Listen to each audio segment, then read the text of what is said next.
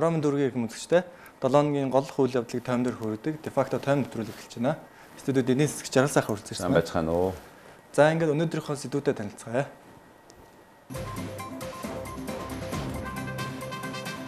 Улсын хурлын гишүүн Б Батзүргийг Б Батзүргт хариуцлага тооцох бай. Валидын зохицуулалтын тухай хуульд нэмэлт өөрчлөлт оруулна.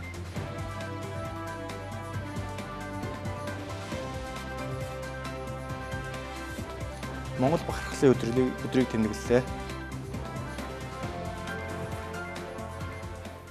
За ингээ манай нэвтрүүлгийг та бүхэнд Facebook хуудасаар хүрж байгаа. Жаргал de facto болон V television гэсэн Facebook хуудасуудаар та бүхэн зурагтаар үзэх боломжийг бол Facebook-аас үзэх боломжтой шүү гэдэг хэлсэн. За ингээд эхнийхээ сэдвээр оръё.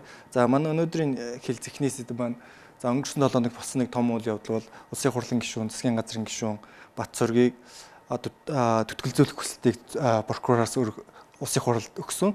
За ингээ улсын хурл хэлэлцээд бат зөргийг бол төтгөлзүүлэх шаардлагагүй гэж улсын хурлын гишүүдийн 86% саналаар бол татгах шаардлагагүй гэж үтсэн байна л да. Тэгэхээр зүгээр яг хүмүүсийн дунд одоо нэг үйл ойлголт байж байгаа бат зөргийг одоо үрхт одоо сайдаас нь бол чөлөөлсөн. А гэхдээ улсын хурлын гишүүнээс төтгөлзүүлэхгүй гэсэн ийм шийдвэрийг улсын хурл гаргалаа л да. Тэгэхээр энэ нь өөрөө бат зөрөгт яг ямар хариуцлага тооцох гэдэг юм бэ? Яг одоо хуулийн хариуцлага тооцохгүй юм уу гэдэг ийм тооцох уу гэдэг нэг ийм асуултын хариулт иргэдийн өмнө ирээд байна л да. Тэгэхээр энийг та юу гэж харж байна? Яг хоо сайдаа согцруулна гэдэг бол ер нь энэ шудраг ёсныхаа үүднээс бол хангалттай мэдээж биш л дээ. Гэхдээ өнөөгийн төр засаг үүнээс өөр арга хэмжээ авч чадахгүй л дээ. Ягаад гэвэл ямар л арга хэмжээ энэ хүнд авах нь их хурлын бусад гишүүнд яг тийм арга хэмжээ авах болох гээд байгаа юм. Энэ руу яваад байгаа ер нь. Тийм ер нь ингээд нийтийн хөрөнгөнөөс завших нь Монгол улсын засаглалд хэвийн үзэгдэл болоод олон жил болж байгаа. Тийм учраас одоо энэ нийтийн хөрөнгөөс завшаагүй хүн олоход хэцүү болсныг жижиг дунд үйлдвэрийн сангийн ашиглалт харуулж байна. За би өнгөрсөн 7 хоног тэнийг бол мөсөн уулын орой доо гэж ярьж исэн. А 7 хоногийн дотор бас бус сангуудаас ялангуяа тариаланчдын сангуудаас гэх мэт мал хамгаалгасан. Тийм мөн саяхан тэр үн тогтворжуулах хөтөлбөр нэрээр янз бүрийн ямар олон хүмүүс компаниудад одоо 3 4 5 тэрбумаар нь төгрөг өгсөн баримт материал дэлгэгдэж байгаа. Энэ бол одоо ингээ мөсөн уулын дооталд юу болж байгаа бид бас харж эхэлж байгаатай холбоотой. За юу ч гэсэн мөсөн уулын доотал тод болж эхэлсэн.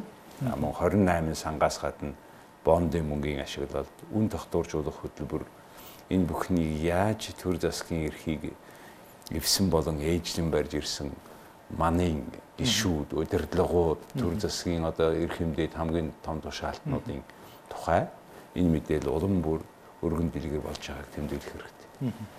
Ер нь улсын хурлын гишүүнийг төтгөлзүүлэхгүйгээр одоо хуулийн хариуцлага тооцох юм боломж байдгүй. Ер нь хуулийн байгууллагууд одоо улсын хурлын гишүүн төтгөлзгүйгээр шалгаж чадах болов энэ тал дээр. Тий, хэрвээ улсын хурлын гишүүнийг төтгөлзөхгүйгээр шалганаа гэж ярьж байгаа бол одоо хошин шогийн дараагийн үзэгдэл гэсэн үг л дээ. Нэг нь шалгасан, нэг нь шалгуулсан болж нөө Google-ийн жүжигт гардаг шиг. Тэгээд цаг аавна. Тэгээд мартагнуулна Харин энэ удаа бол иргэд нилээд мартахгүй хандлагатай байгаа. Яагаад? Яагаад гэвэл жижиг дунд үйлдвэр бол Монголын эдийн засгийн ноён нуруу. Энд хамгийн олон мянган хүн ажиллаж байгаа. Гэтэл тэр олон мянган хүний бизнест очих очих ёстой байсан хөрөнгө шийдвэр гаргагчдын өөрсдийнх нь компанид очисон. Тэгээ очисон нь бол бизнест хоёр давхар цохилт болсон. Нэгдүгээр нөгөө зориултынхаа мөнгөийг авч чадаагүй. Хоёрдугаард зээл авах гэд банкн дээр очисон. Өгөхгүй болохоор банкуу санхүүгийн байгууллага дээр очисон. Тус тусынх нь хүүг. Энэ жижиг дундын үйлдвэрийн санг завшсан хүмүүс нь ихсгсэн баг. Тэгэхээр ийм нэг биш хоёр давхар цохилтыг Монголын бизнесийн энэ өдөр тутам өглөөнөөс орой болтол бори бокс хийхгүй зүтгэж байгаа энэ олон хүмүүс тийм амархан өршөөхгүй бизэж бодож байна. За ер нь бол энэ Монголд ийм олон тооны жижиг дунд үйлдвэрийн бизнес ингээд дампуураад байгаагийн суур шалтгаан бол нэгдүгээр зээлийн хүү өндөр хоёрдугаар санхүүжилт байхгүйтэй холбоотой.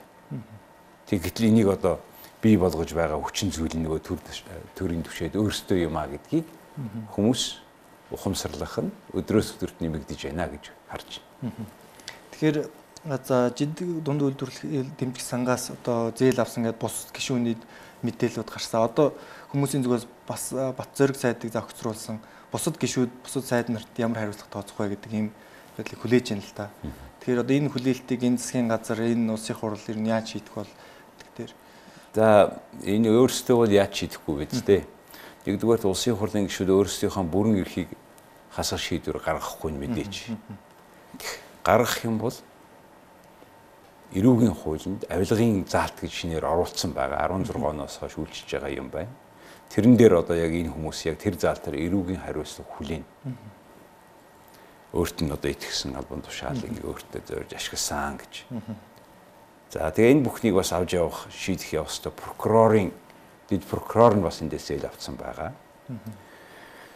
Тэгээд ер нь эднийг шийдэх нэ гэвэл маш олон хэрэгэн задрах учраас одоо нэг ингээл өдөр хоног өнгөрөөгөө цаанаа янз бүрийн юм тоглосоор байгаад ингээд цаг хугацаа хойж сонирхолтой байх гэж бодож байна. Нэгдүгээр харамсалтай нь гимт хэрэг шийдхэлгүй яваад байхаар зүгээр жирийн хэрэг болчиход байна шүү дээ.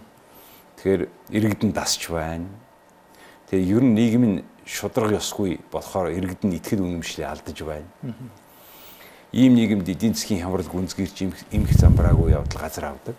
Итгэх итгэх төрс итгэхгүй болохоор тэгээ удалгүй хууль үйлчлэхэ болдог. Тэгээд яах вэ гэхээр мөнгөтэй хөрөнгө аваад дөрвдөг.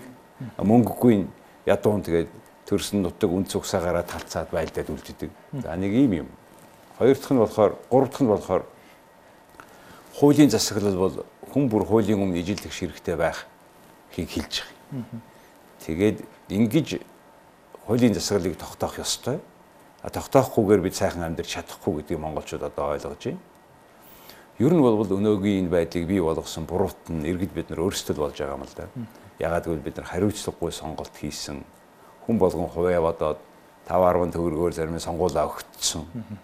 Тэгэд энэний үр дагавар нь энэ хүмүүс чинь гараад итгэл ивдээд бидний нийтийн хөрөнгийг завшаад өөрсдөө баяжаад найдлагийн хэлснээр ийм ийм эдийн засаг дотроо ийм шантаажийн ийм ийм эдийн засгийн ерөн дотор нь ил эдийн засаг далд эдийн засаг гэж ангилдаг шүү дээ. Энэ дээр хэлээд үгүй тэрнээс гадна Монгол улсад ийм ийм ийм шантаажийн эдийн засагч бий болсон байна гэж яриад шүү дээ. Тэгэхээр төр засагт энэ төр засагт ойрхон хүмүүст үйлчлдэг тусгай хууль байна, мөнгө төгрөг байна. Энэ хүмүүс эргэлдүүлээд байна гэж энэ эднэрийг хэлж байгаа бол их зүйтэй санагдсан надаа. Тийм учраас бид ер нь өнөөдрийн байдлыг бид өөрсдөө бий болгосон шүү. Ер нь бол буруу байдлын хажуугаар бид дуугүй явж удаа явж ирсээ. Тийм учраас гэмт хэрэгтнүүдэд өөрсдийнхөө төрөвчөг өгөөд явуулчихсан гэдгийг одоо иргэд ойлгож байгаа байх гэж бодож байгаа ирэх биш. Тэгэхээр иргэд гэснээс энэ жижиг дунд үйлдвэрлэлийг дэмжих сангийн одоо мөнгө эзэнтэй холбоотойгоор иргэдийн зүгээс маш их бухимдал байна. Эсэргүүцлээ илэрхийлж байна. Гэхдээ яг яаж тэмцэхэ болсон гэсэн ойлгох болохгүй байх шиг зүгээр харагдаад байгаа хөндлөнгөөс харахад ер нь бид нэр иргэдийн зүгээс ер нь яавал яаж одоо ямар шаардлагатай бол хамгийн үүдтэй байх. Гэхдээ одоо мэдээж энэ хүмүүсийг одоо хариуцсан хүлээхийг шаардах хэрэгтэй шүү дээ. Сошиал медиагаар бол тий бүх хэлбэрээрээ тэгээд ямар ч гэсэн шудраг ёс тогтно гэдэг юу гэсэн үг гэхээр шудраг ёс шудраг бус явдал гарахгүй байхыг л хэлж байгаа шүү дээ. Тэгээ одоо энэ төр засгийн бүх удирдлагууд чинь баг бүгдээрээ толгой дараалаад ийм нөхцөл байсныг бид шаардаж цэвэрлэж янзлахгүй болбол энэ хүмүүсийг хариуцсан хүлээлгэхгүй бол яг тэгэл тэгэл одоо тэгэл бах байдгаараа хуучнараа амьдраад нэг хитгэн хүмүүс нь бидний хөрөнгийг завшаал үйлдсэн тэр тэр хүмүүстэй холбоогүй хүмүүс нь ядуураад ингээ энэ байдал чи үргэлжилнэ л гэж харж байгаа. Тэгэхээр сүүлд бас мал хамгаалах сан гэх мэт зарим сангуудаас одоо албан тушаал хүмүүс яаж одоо зээл авсан нь бас зарим мэдээлэлүүд гарсан л та. Тэгэхээр ер нь цаашдаа бусад одоо энэ сангууд болон энэ э, мэдээллүүд яаж ер нь нийл болох бол яг энэ чигээрээ ингээд цаашид нэг нэгээр ингээд явах болов яах вэ? Энэ ч одоо нөгөө бандуурагийн хайрцгийг нээчлээ гэж ярьдаг шүү дээ. Эсвэл шилэнд байгаа жинийг нээч юм гарчлаад. Энэ буцааж орно гэж байхгүй үстэй. Олон хүний уурыг хүргэж байгаа, бүхэмдийг төрүүлж байгаа. Аа ер нь бол энэ төрд ажиллаж байгаа шудраг хүмүүс хэрвээ байгаа бол энэ олон энэ мал хамгаалах сан байна. Энэ цаад 28 сан байна. За мөн үн тогтворжуулах програм гэж том юм байсан. Дөрвөн шхуу их найт төгрөгийг үрсэн. За мөн бас ингээд танил талдаа өгсөн байгаа. За мөн бондын мөнгнүүд байгаа. Энэ бүхэнтэй холбоотой шудраг иргэн төр засагтай байгаа бол саяын мэдээлэл шиг ил гарах ёстой тийм үүрэгтэй шүү. Тэгэж энэ мэдээллийг ил тод болгоход иргэн бүр туслах хэрэгтэй байна. Тэг тусмаа энэ хүмүүстэй хариуцлага тооцох боломж улам нэмэгдэнэ. Тийм учраас одоо энэ энэ бүх сангийн энэ бидний мөнгөтэй холбоотой учраас энэ бол нийтийн мэдээлэл, нийтийн хөрөнгө юм аа. Нэг байгууллагын хөрөнгө биш. Тэгээ энэ хөрөнгийг тэр захиран зарцуулах ёстой хүмүүс нь хинд яаж өгсөн, шууд өгсөн, өөрөөсөө юу завьсан энэ бүхнийг мэдж байгаа эргэн болгон дуурахгүй болбол бид нар дуурдгүй эргэнтэй улс болж хувирна шүү. Тэр бол зөвхөн үгээ хэлэх хэрэг чөлөөгүй нэг юм болж хувирна шүү дээ. Тэгэхээр ер нь бол энэ нийтийн хөрөнгийг буюу хувийн хөрөнгө гэж байгаа тийм. И бусдын хөрөнгө. Тэр нь нийтийн хөрөнгө, улсын хөрөнгө тэг янз бүрээр хэлж байгаа. Хувийнхаа биш, өөрийн биш хөрөнгийг завшна гэдэг бол хулгай. А энэ хулгайлах, энэ энэ завших соёлч нь одоо манай нийгэмд хүчтэй яваад хамгийн харамсалтай хүлийн зөвшөөрөгдөөд тэгэх ёстой юм шиг яваад байгаамаа. Жишээ нь одоо тэр шинжилгээний засгийн газрын үед их эзэн Чингисийн нэрийг бариад 1.5 тэрбум Америк долларын зээл авсан. За өмнөх засгийн газрын гаргасан хөгжлийн банкны 580 сая долларыг хэрэглэсэн. Үн тогтворжуулах хөтөлбөргээд 3 их найт төгрөг зарцуулсан. Засгийн газрын үн цаас арилжаал 1.4 их найт төгрөг гаргасан. Энэ бүхний яг үнэн мөнөөр нь одоо болтол бид мэдэхгүй байгаа л да. Одоо сошиал медиагаар хэвлэлийн нийтийн хэрэгслэр бол нийгмийн хэрэгслэр бол янз бүрийн мэдээлэл байгаа. Гэхдээ энэ их усүрийг баталгаажуулж ярихгүй болохгүй байна.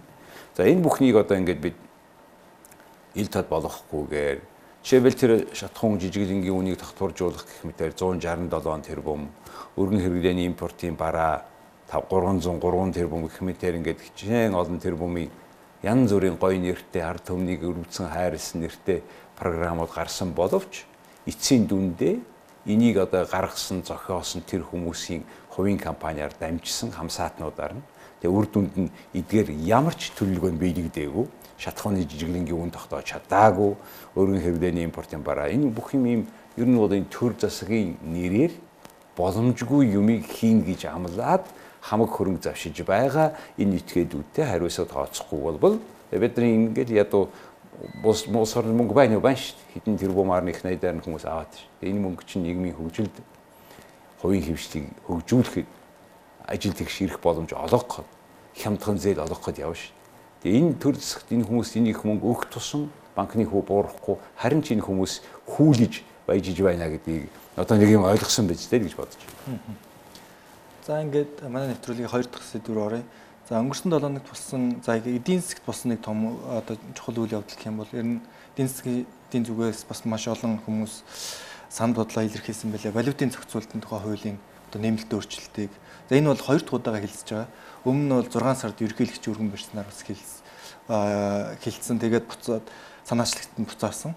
За энэ одоо бол оюун чимэг нарын дөрвөн гишүүний санаа өргөн барьснаар одоо валютын зохицуулалтын тухай хууль хэлсэн байна. Тэгэхээр энэ дээр яг нь ер нь эдийн засгч нар бол энэ хуулийг батлагдах юм бол маш одоо асуудалтай байна. Ялангуяа гадаадын хөрөнгө оруулалтыг одоо татаж чадахгүй харин ч үргээх ийм хууль болох болох юм байх шүү. Дээрээс нь Монгол банкны өөрийнх нь үүрэг ролыг бас буруу томьёо бол буруу оролцуулсан байна гэсэн иймэрхүү шүүмжлүүд бол ирсэн байлээ.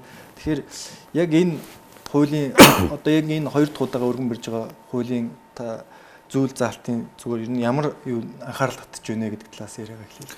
За их олон зүйлүүд байгаа. Тэр дотроос би дөрвөн юмыг онцолж хэлмээр байна.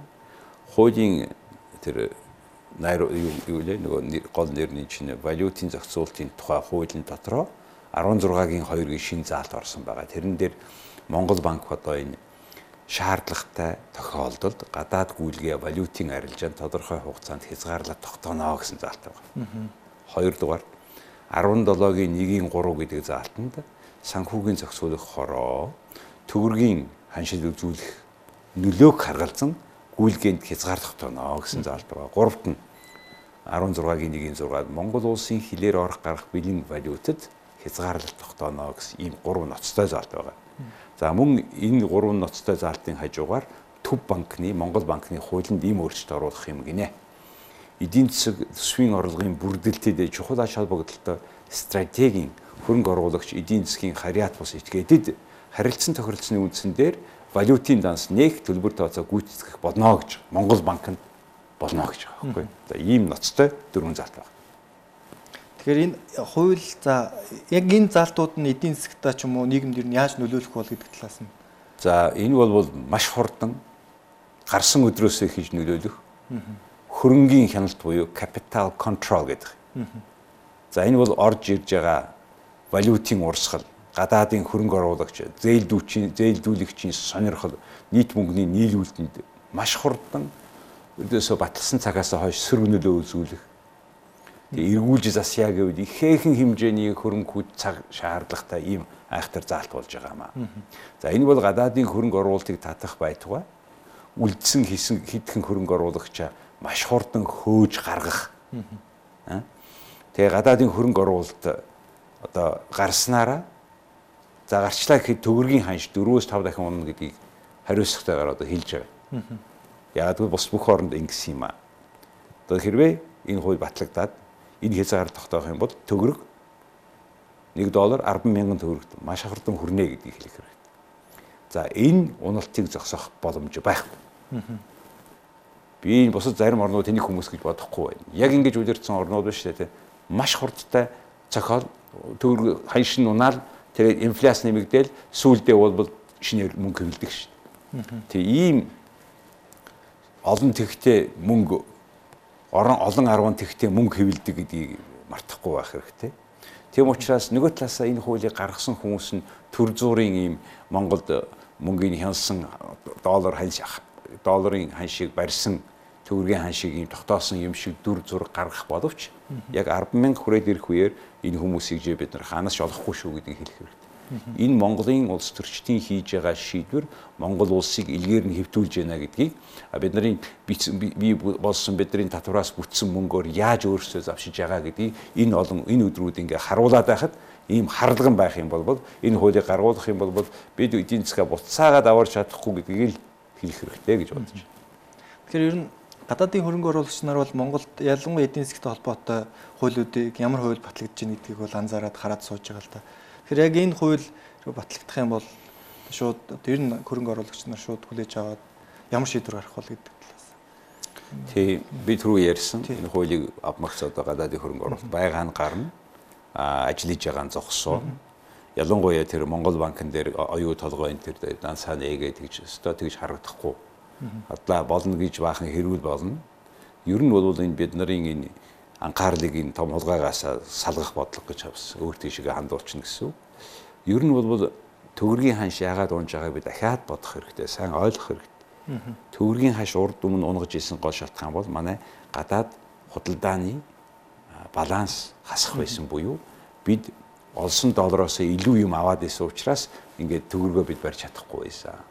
Гэтэл энэ жил Монгол улсын гадаад баланс алдагдaltaгүй байгаа. Юу алдагдaltaй байгаа вэ гэхээр энийг урсгал зардлын баланс гэж ярьдаг. Төлбөрийн баланс гэж ярьдаг. Энэ ч алдагдaltaй. Энэ юу гэсэн үг гэхээр гадагшаа төр засгаас гаргаж байгаа мөнгө нь а манайд орж ирж байгаа тэр гадаадын хөрөнгө оруулалт. За тэр одоо энэ оюутлогын төсөлд явж байгаа мөнгнүүд энд чи орж ирж байгаа шүү дээ. Иннээс хамаагүй их болчихжээ. Тэгэхээр Монгол төгрөгийн уналтын гол шалтгаан болбол төр засгийн чинь зардал их байна. А яагаад төр засгийн зардал их байгаа? Яагаад төсөв алдагдaltaй болоод ирснийг та бүхэн одоо энэ өдрүүдэд харж байгаа шүү дээ. Яагаад гэвэл улс төрчид тэр бум тэр бумаар нь өөрсдийнхөө компанид төсөл төсвийн нэрээр манай төсвийн дундуур гаргуулж өөрсдөө ашиг хонжоо хайж байна. Зөвхөн мөсөн уулын ороог ярихад энэ шүү дээ. За тэгээ өшөө цаана хулгайлаад авсан хүмүүсийг бид өшөө нээж харах болно. Мэдээж бид 3 сая хүн бүгдээрээ тэнийг биш энийг заавал нээжил таарна, харжил таарна, хизээ нэгэн цаг түүхийн хүмүүсийг илрүүлжил таарна. Тэгэхээр Монгол улсын төгөрг унж байгаа шалтгааныг төгөргийн уналтыг зогсоохын тулд гадаадын мөнгийг, гадаадын хүмүүсийн мөнгийг хязгаарлах биш. Төр засаг зардлаа хязгаарлах. Хулгай хаа болох. Энэ алдагдaltaй төсөв батлаа, батламгцаа зөрөөг нь гадаадын зээлээс өндөр болоод гадаад өндөр хүүгээр зээл авах олон улсын валютын санд очиж мөргөж сөгдөж уйлчхад одоо хаяа мөнгө орохоор нь бас том том зан гаргаа ердөөсөө болох. Ердөөсөө ингээд бид мөнгөгүй дарга нар чи мөнгө чи хулгайлчихсан гуйлах чин болгож байгаа хүнээс мөнгө гуйж байгаагаар хизээч битгий март. Тэгээ бид ингээд ажиллахгүй хажуугаар нь одоо шинэ хууль дүрм гаргаад сүлд амьсгалж байгаа арайч амьдарч байгаа гадаадын хөрөнгө оруулалтыг энэ хүмүүс санаатаагаар устгах гэж байгаамаа гэдгийг битгий мартаа л гэж хэлмээр байна. Тэгээ энэ хууль өөрөө хоёр дахь удаага өргөн барьж байна л да өргөн баригдаж байна. Тэгэхээр ер нь энэ дахин дахин ингээд өргөн бариад энэ хууль явуулах гэдгааг энэ цаас шалтгаан нь юу гэж болох вэ? Нуус төрийн. За энэ бол бол үнэхээр ер нь аргаа яд цааргал да. Би өөрөө ч мөнгө хянах гэдэг шүү. Төр гэдэг нэрээ. Эвгүй сонсогдож байгаа шүү. Өөрийнхөө бүтээгээгүй мөнгийг ошоо хянах гэдэг ер нь юу гэсэн үг? Нэг нь нөгөөх нь ер нь бол ийм заалтаар ингээд орох хөрөнгийн урсгал валютын гүйлгээ арилжаанд төрөөс хязгаарлал хийдэг улс болох юм бол Монгол улсад ганцхан улсаас бусд нь хөрөнгө оруулалт хийхгүй.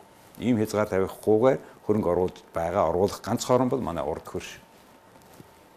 Тийм учраас тэгээд одоо нэг л хөрөнгө оруулагчтай үлдэхэл ийм дараагийн асуудал энэ бол эдийн засгийн аюулгүй байдалтай шууд холбоотой бид 100% нь уусаас хамаарч байгаа. Тэгээ одоо одоо хажуугаар нь ганцхан одоо хөрөнгө оруулалт дээр зөвхөн ганцхан энэ улс байхыг бол бид одоо ийм болохгүй шүү дээ гэж аль хэдийн тохирцол байсан шүү.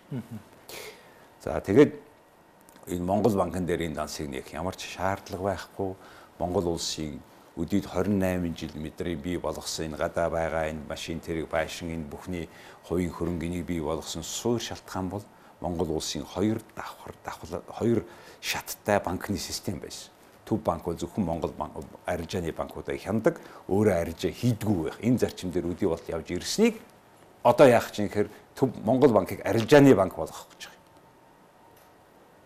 Тэгээ энэ бол одоо ингээд тэгээд ч энэ гадаадын эдийн засгийн харьяат бас гэдэг юм л да. Монголд шууд бизнес нь явдггүй өөр компаниар дамжуулж явдаг жишээлбэл Рио Тинтэ оюутлагаар дамжиж ярьж шít. Риогийн мөнгийг хаана байрлуулахыг бид нар эндээс загаад ямар ч үндэслэл байхгүй.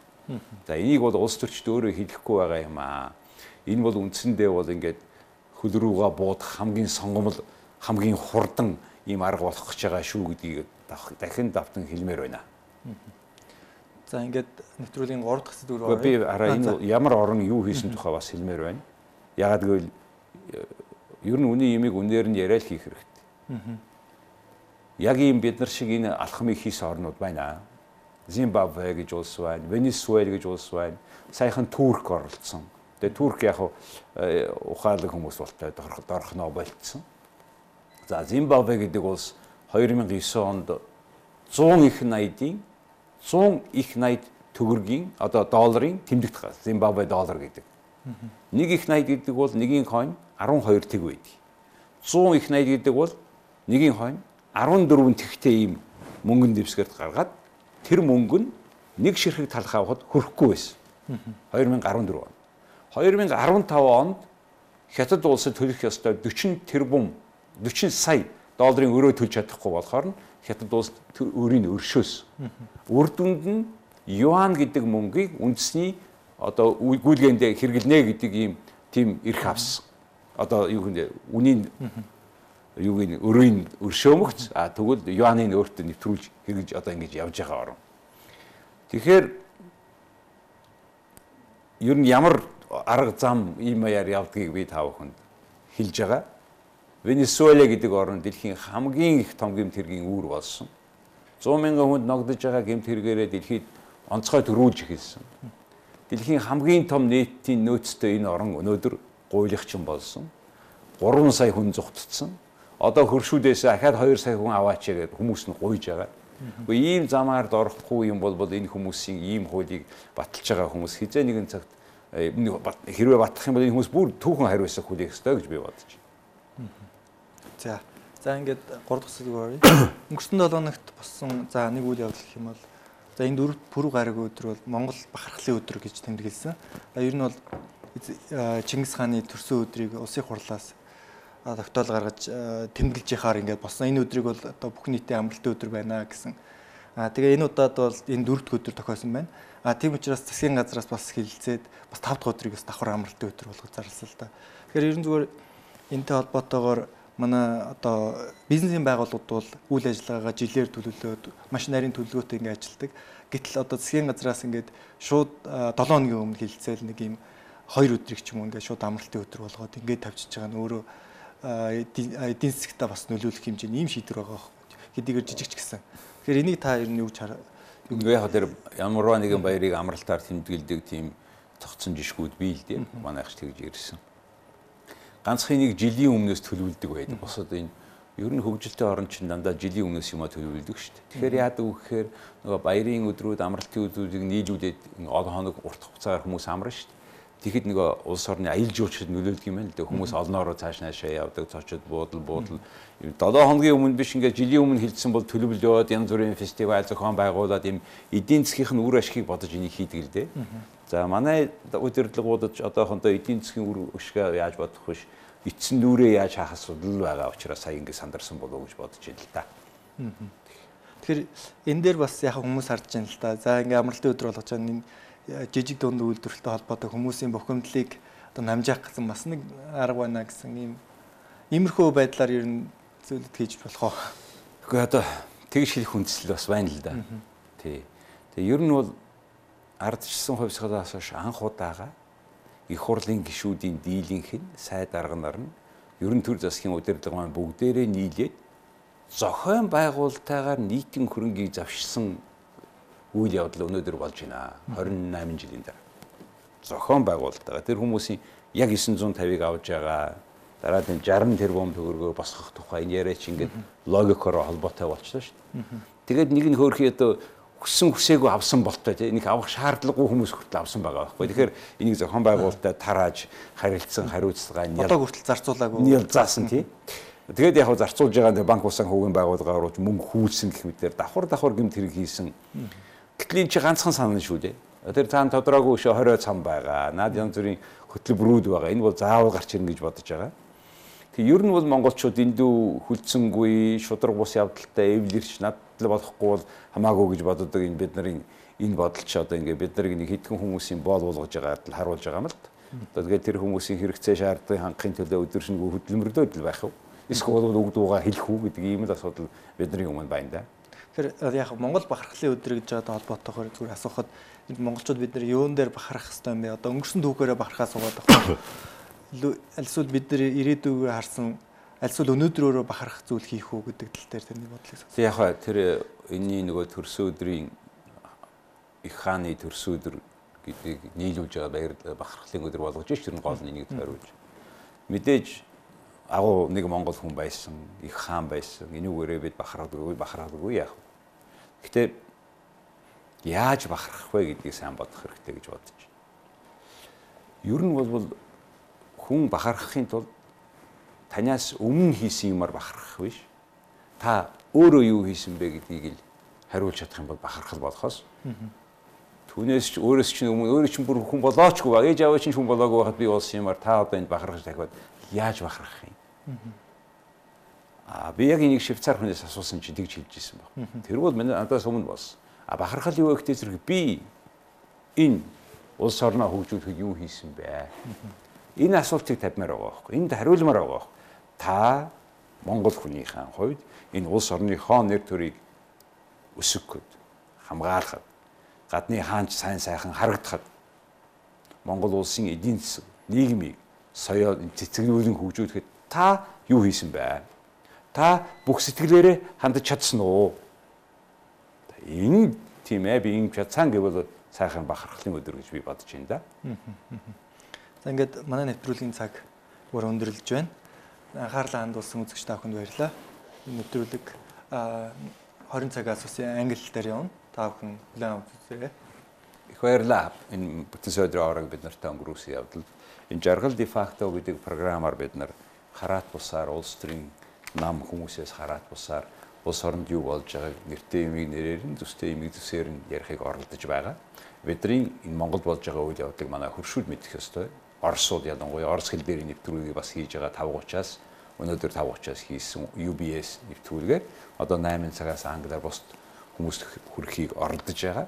Ардчлалын хүч гэдэг бол бид нар байгаа юмыг, үний юмыг үнээр нь хоорондоо ярьж агаад хилэлцэж чадах, шийдэж чадах тэгж тэрийг тэрийг төлөө зогсож чадах тэр хүч чадлыг өнөөдөр Монголын иргэдээс хүн болгоноос улс цаг орн чинь энэ цаг цаг хугацаа чинь өнөөдөр шаардж байгаа гэдгийг тэмдэглээ хэлмээр байна.